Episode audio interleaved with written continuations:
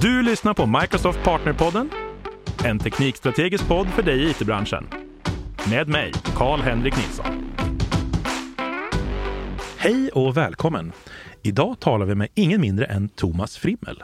Thomas är VD för Microsoft Sverige och kom till Microsoft redan 2005 i samband med ett företagsförvärv. Han har sedan dess skapat stort värde för Microsoft-kunder och partners av alla storlekar, från SMB till Enterprise. Välkommen Thomas! Tack snälla, tack snälla, kul att vara här. Du, det var ju tänkt att du skulle vara med liksom när du tillträdde din roll, men vi har fått skjuta lite på det, för vi har förstått att man är lite upptagen som Microsoft Sveriges VD. Ja, man har lite att göra. Det var roligt dock, men det har tyvärr blivit förskjutet. Här. Jag tror det var någon gång i november vi skulle sitta ja. ner. Men eh, nu är vi här, glada. Mm. Nu är vi här och grattis i efterskott. Då. Tack snälla, tack snälla. Jag tänker mig liksom att när man har blivit vd för Microsoft Sverige, då har man ju på något sätt ändå nått så långt man kan komma inom Microsoft Sverige. Men du har haft många olika roller inom Microsoft Sverige tidigare, eller hur? Ja, det stämmer och man är ju aldrig nöjd man vill alltid framåt. Men jag menar, det stämmer, jag var ju med i ett förvärv. Så att mitt lilla eh, DNA, det kommer från IT-säkerhet. Så att jag jobbade på ett företag som hette Sabari Software som sen förvärvades av Microsoft. Så jag fick ju då förmånen att vara en entreprenör inom Microsofts väggar. Driva innovation från ett säkerhet som sen blev en telefonidiskussion i fem år. Så att jag har ju lärde mig oerhört mycket hur Microsoft fungerar. Jag lärde mig mycket om det partner-ekosystemet som vi var på väg att bygga upp. Och då står ju Sverige faktiskt i centrum jämfört med många av våra grannländer och andra länder. Och sen satt jag och då jobbade i vår partnerverksamhet och SMB-verksamhet och fick då lära mig hur dynamiken fungerar. Hur kan vi hjälpas åt? Eh, vad är det som händer på marknaden? Oftast där får man indikationerna snabbast. Och sen tog jag med mig alla de här visdomarna in i vårt eh, privata segment där jag jobbar på de ungefär 100 största svenska kunderna i ungefär nio år. Så att jag har inte nått slutet än, men jag har tagit med mig oerhört mycket lärdomar in i det här eh, uppdraget jag har nu. Och det är väl tydligt att Sverige är en homogen marknad, men den är ju väldigt konkurrensutsatt. Det är ju väldigt intressant att vi bara är 10 miljoner, men vi har så otroligt coola varumärken, starka partnerekosystem, ISV-lösningar. Så att eh, jag lär mig någonting nytt varje dag. Ja, ja, men verkligen. Man får svåra frågor nästan vart man går i vårt ekosystem. Men jag är lite nyfiken också, nu när du har varit vd då för Microsoft Sverige, så här, vad var mest överraskande med att kliva in i den rollen? Det jag skulle svara på det är ju bredden som Microsoft har. Det är, så nummer ett, vi är ju lyckligt lottade ska vi vara ärliga och säga. Vi lyckas ju attrahera talanger, cross egentligen alla ålderskategorier och teknologiområden. Vi har en kultur som är väldigt tillmötesgående. Eh, jobbar man i stora kundsegment så blir det tydligt att det formar en lite grann och så får man då se helheten, alltifrån vad vi gör för att försöka vara the great, the good for Sweden, alltså jobba med teknologier som faktiskt kan hjälpa en bred massa kring upskilling. Det var jag ju knappt medveten om tidigare och hur vi jobbar med vår startup factory eller hela Foundations hub och hur vi jobbar med att försöka få startups välja vår plattform och hjälpa dem att vara lyckosamma. Så hela det spektrat var jag inte riktigt medveten om när jag steppade in i den här rollen som nu är första april tror jag, förra året. Så det är snart ett år. Snart ett år, ja. Mm. Wow. Du, när du tillträdde som VD, då läste jag en artikel där du sa att eh, du var övertygad om att Sverige kan bli bäst i världen på att utnyttja digitaliseringens möjligheter. Jag kommer ihåg, vi tog några riktigt stora steg här under pandemin ja. med alla möjliga, allt från Zero Trust till eh, Teams och hela den grejen. Har det lugnat ner sig lite nu eller fortsätter vi kliva snabbt på digitaliseringsstegen här? Är vi på väg att bli bäst i världen? Jag skulle vilja säga så här att pandemin ökade ju takten på samarbeten. Digitala samarbeten. De blandade ihop det här med hybrid arbetssätt. Jag skulle säga att vi gick från ett fysiskt arbetssätt till ett digitalt arbetssätt. Nu försöker vi hitta det hybrida där mittemellan som fortfarande är en stor nöt att knäcka på hur man får med medarbetarna i strategival etc. Så att den accelererade ju såklart eh, samarbetena under pandemin. Det som jag ser nu, om man går tillbaka till har vi nått kulmen av digitalisering? Nej. Hela effektiviseringen i Sverige är på rätt väg. Vi ser det på de projekten vi är involverade men det är automatisering, effektivisering som skapar förutsättningar att du kan börja driva innovation. Jag håller fast vid att Sverige har alla förutsättningar. Det är bara att titta på alla dessa företag och partner som finns här.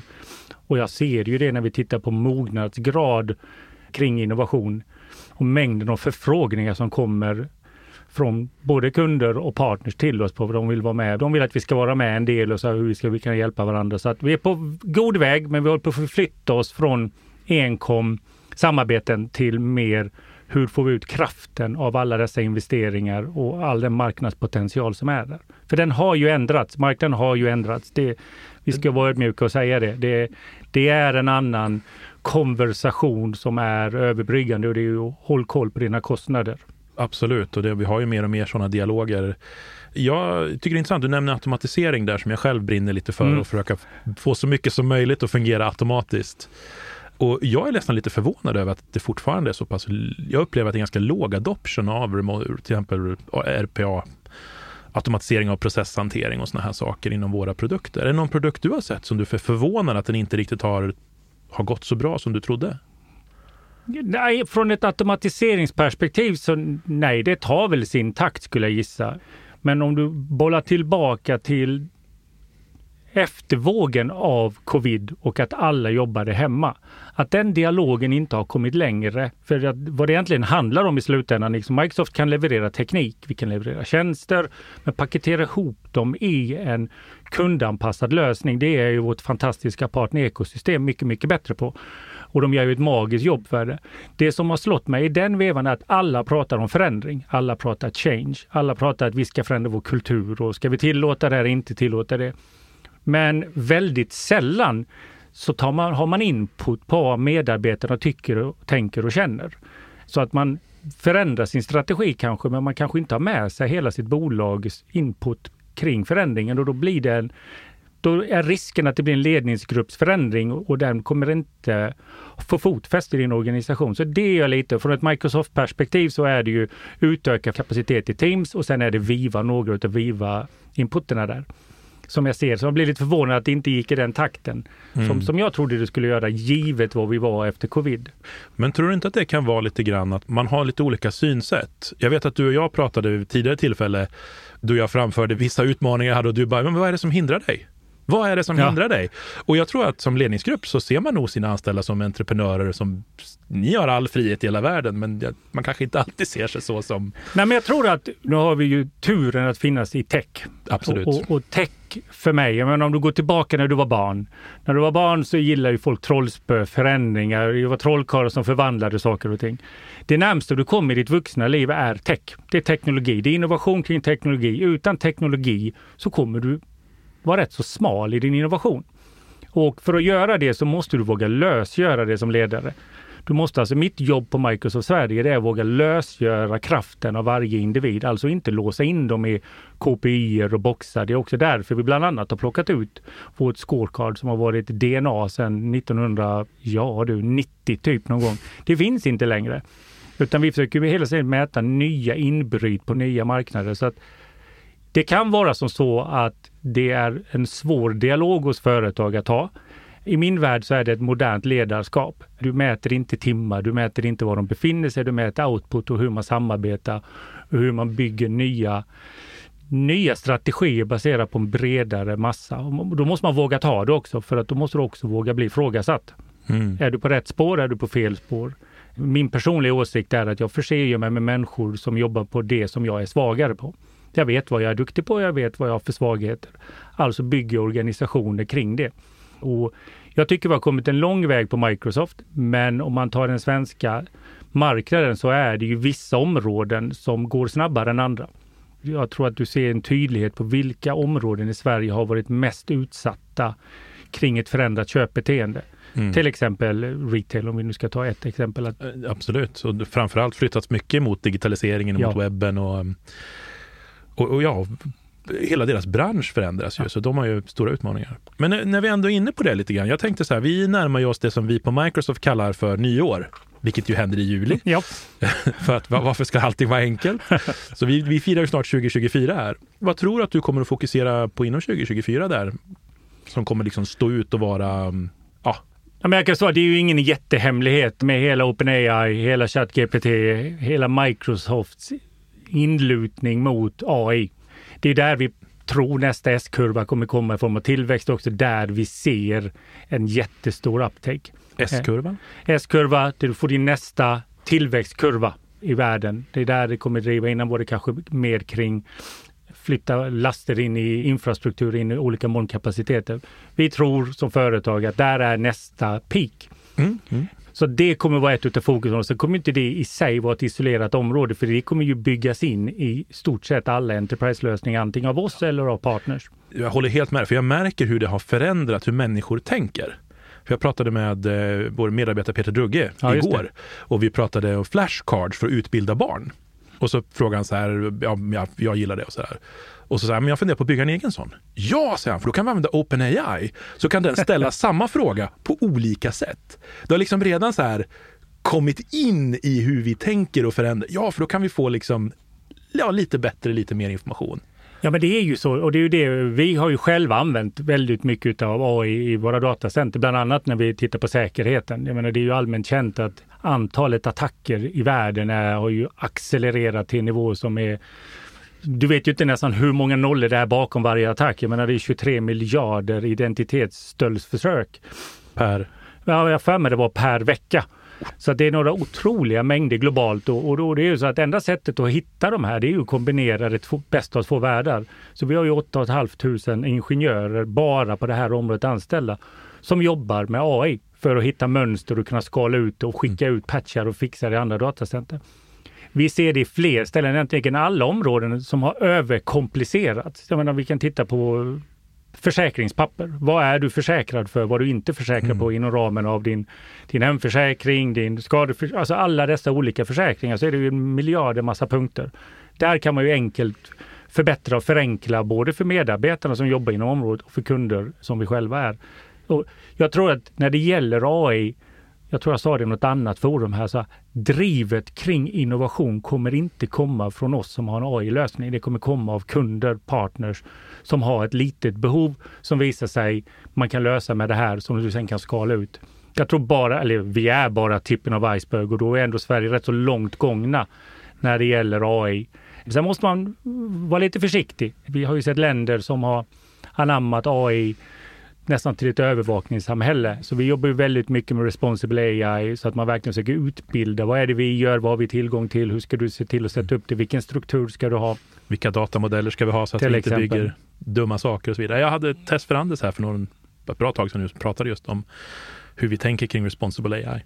Ja, men det blir ju en tydlighet i det hela. Men jag tror att, så tillbaka till din fråga, det kommer vara ett av områdena vi kommer foka på. Vi kommer försöka kanske titta lite grann på industri, i och med att de taktar lite olika. Men du har tillverkningsindustri, du var ju inne på ditt RPA här. Men allt som handlar om hur bygger man smarta fabriker. Mm. Vi har ju lyckan i Sverige att ha en extremt stark nyetablerad eh, företag som levererar batterier. Jag menar, de har ju byggt det från scratch. Det är fler på gång. Det är oerhört kul att se vad innovation, teknologi, automatisering skapar för förutsättningar.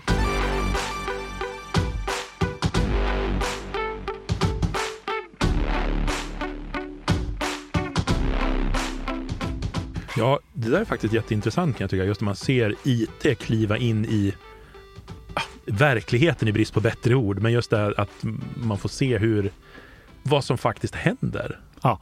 Nej, men jag tror att ChatGPT-biten har ju liksom lyft det till en normal Mm. person så de förstår vad det här är. Jag satt ju i ett annat forum kring skola Mm. och då sa jag så här att alla kommer numera ha en besserwisser i fickan.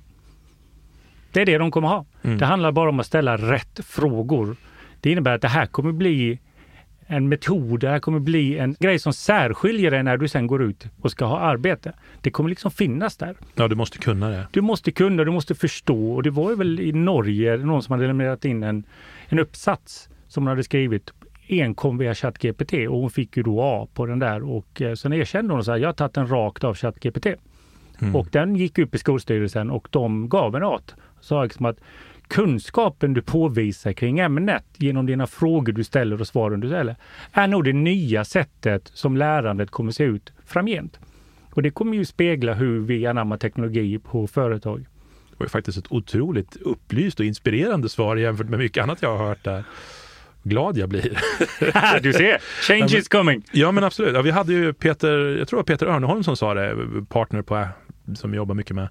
Han sa att jag tror ju att i framtiden så kommer man ju vara AI-operatör. Det kommer liksom vara ett, ett Mm. yrke du har. Mm. Du är väldigt duktig på att skriva och, och berätta för AI-moduler vad du vill få ut för någonting.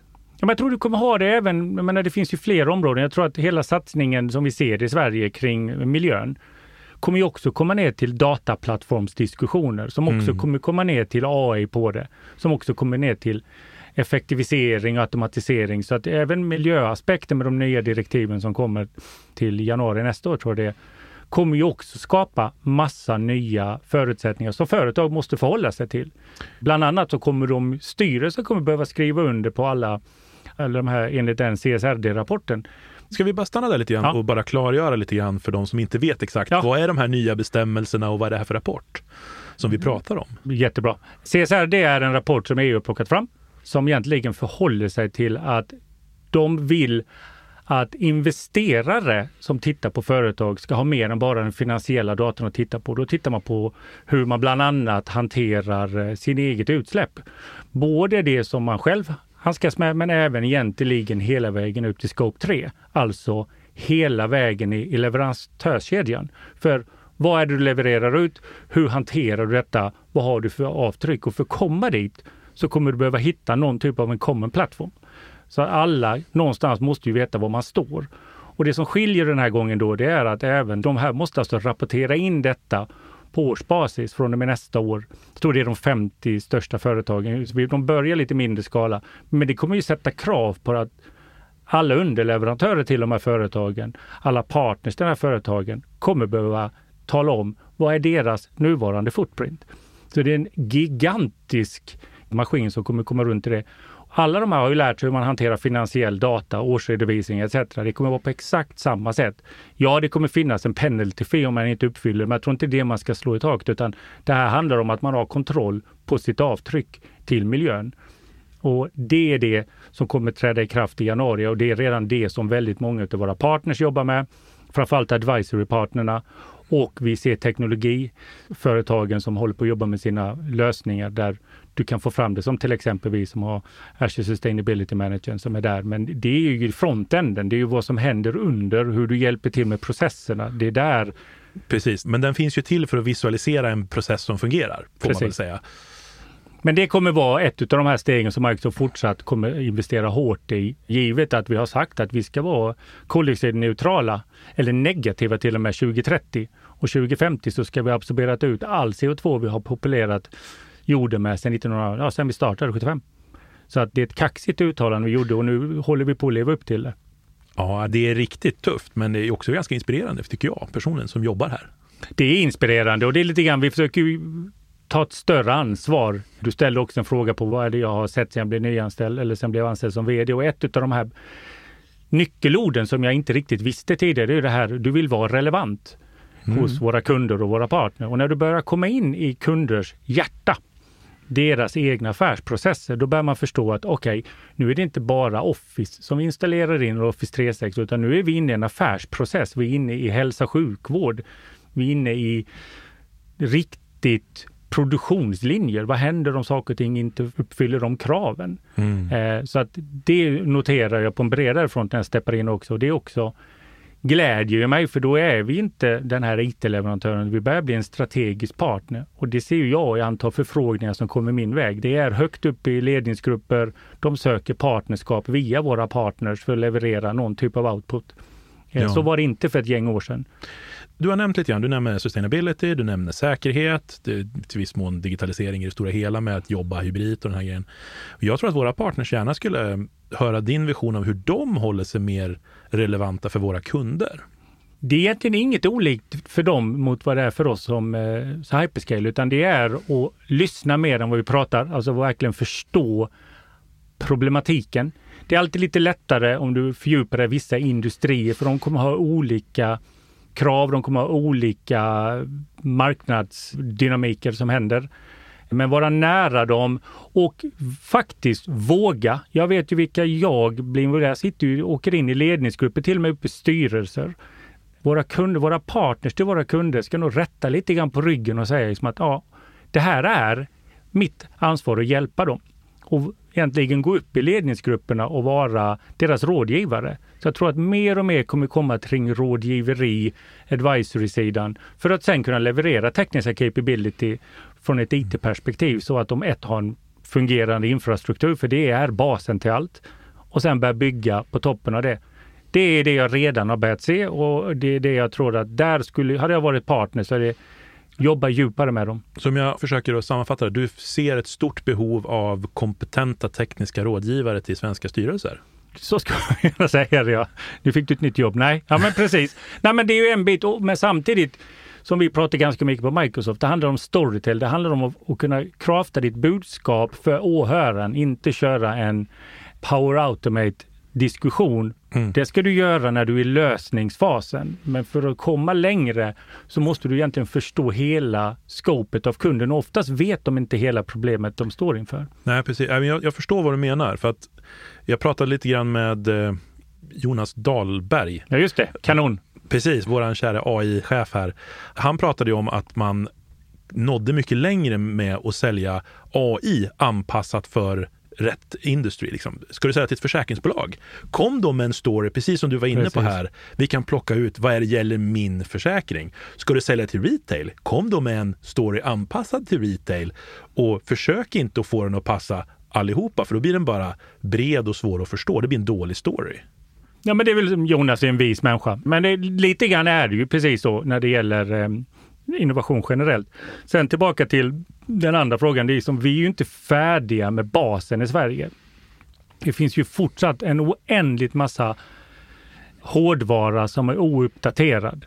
Jag menar, vi pratade lite grann om säkerhet innan. Vi ser ju de största riskerna som vi ser. Det är ju när man har gamla servrar ståendes med någon programvara. De man in... 2012 Jag vill inte exempel. gå in på det, men där finns ju en hel del där ute. Och när det gäller hoten så är det där hoten finns. Lyfter man över det i en hyperscaler så har du always on. Du, liksom, du kommer alltid vara uppdaterad, du kommer vara säker och du säkerställer att du sen på toppen av det kan börja modernisera. Och du får en helt annan kontroll än vad du har idag. Så att min uppmaning är att sluta inte med vissa saker för att man vill in någon annanstans. Allt hänger ihop.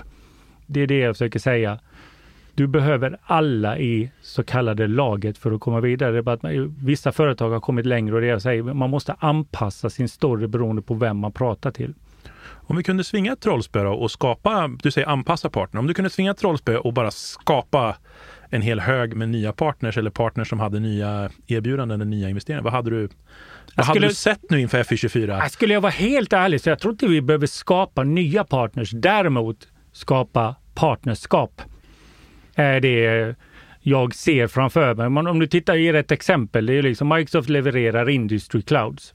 Det finns våra datacenter och i dem så finns det, det finns Cloud for Retail, Cloud for Financial eh, FSI. Det finns en rad av dem. Men det är egentligen en plattform. För att den ska bli verkningsfull så behöver man ha ISV och IPn och partner som jobbar tillsammans med kunderna för att utveckla den här. Mm. Det jag då ser är att vi har en brutalt massa duktiga partners i Sverige. Ibland blir det som så att de kör sitt race en och en. När de samarbetar för att hjälpa en kund kring ett problem så använder man spetskompetensen och det är ju en sak som till FI24 vi kommer lägga mer tid på Microsoft att försöka jobba, skapa koalitioner, samarbeten, dra dem mycket, mycket närmre som vi då kallar kontoteamen på Microsoft, så att man på riktigt kan hjälpa våra kunder både digitalisera, effektivisera, men också vara relevanta på en ny förändrad marknad de opererar på. Det är det jag säger. Jag säger inte skapa de nya partners utan snarare få in fler människor in i partnerskapet. Vi har ju fortsatt så att techsektorn, om vi ska uttrycka oss så, den står ju snart över Sveriges industri när det gäller BNP. Det är alltså, vi levererar så höga BNP. Då vet jag ju om att i den massan så finns det en brutalt massa duktiga partners och människor. Om man bara samarbetade mer så tror jag att man kommer komma mycket, mycket närmre att göra en impact för våra kunder. För att om de drar ner antal anställda för att de inte kan klara av en konkurrens på en global marknad, då måste vi hjälpa dem att hitta nya affärsmöjligheter tillsammans med dem. Tillbaka till vad jag sa innan kring strategisk rådgivare. Så vi behöver hela spektrat, inte nya samarbeten och fler. Mm. Mycket fler människor in i techsektorn.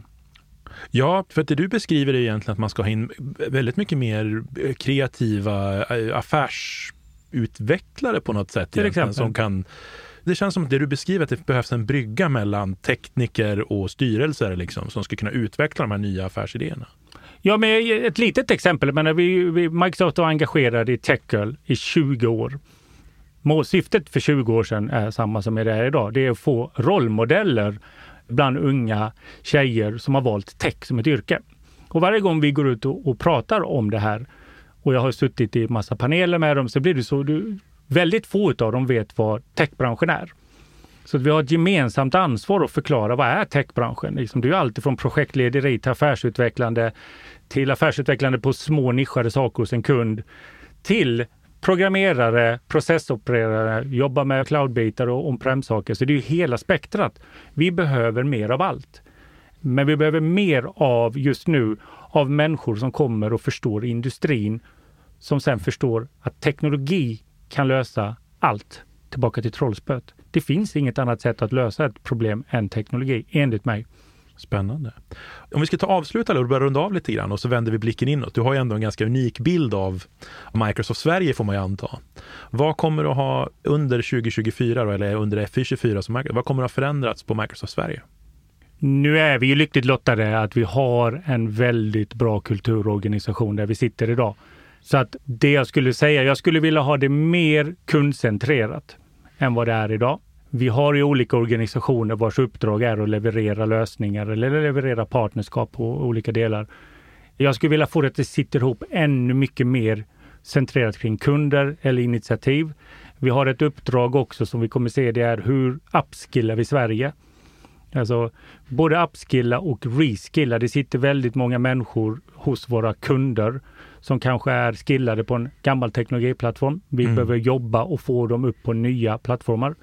Så att upskill, reskill. Sen är det mer, fortsatt mer kring de initiativen som vi redan har nämnt lite grann. Vi kommer öka fokus på säkerhet, vi kommer öka fokus på miljön. Det är väl det jag ser och då kommer vi behöva strukturera upp dem utifrån en ny strategi. Vi satte ju en inför det här året och sen kom lågkonjunkturen så att nu mm. får den uppdateras utifrån förutsättningar vi befinner oss i nu. Men vi har aldrig varit bättre positionerade än vad Microsoft är lokalt i Sverige än nu. För att det handlar om att få mer gjort med kanske färre människor som land för tillfället. Och då handlar det om effektivisering, kostnads... Jag ska inte säga kostnadsbesparing alltid, men kostnadskontroll. Veta vad effekten blir av det man gör. Så det är väl det jag skulle vilja göra mer av och få ihop hela Sverige till att jobba lite mer enhetligt än vad det kanske har gjort historiskt. Det är min förhoppning. låter som att det blir ett väldigt spännande år för oss och våra partners. Det kommer bli fantastiskt och utan partners så kommer det inte fungera.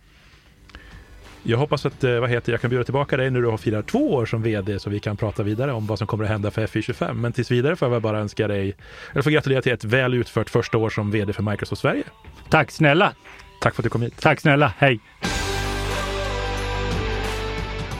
Du har lyssnat på Microsoft Partnerpodden med mig, Karl-Henrik Nilsson. Som vanligt hittar du information och resurser på aka.ms partnerpodden.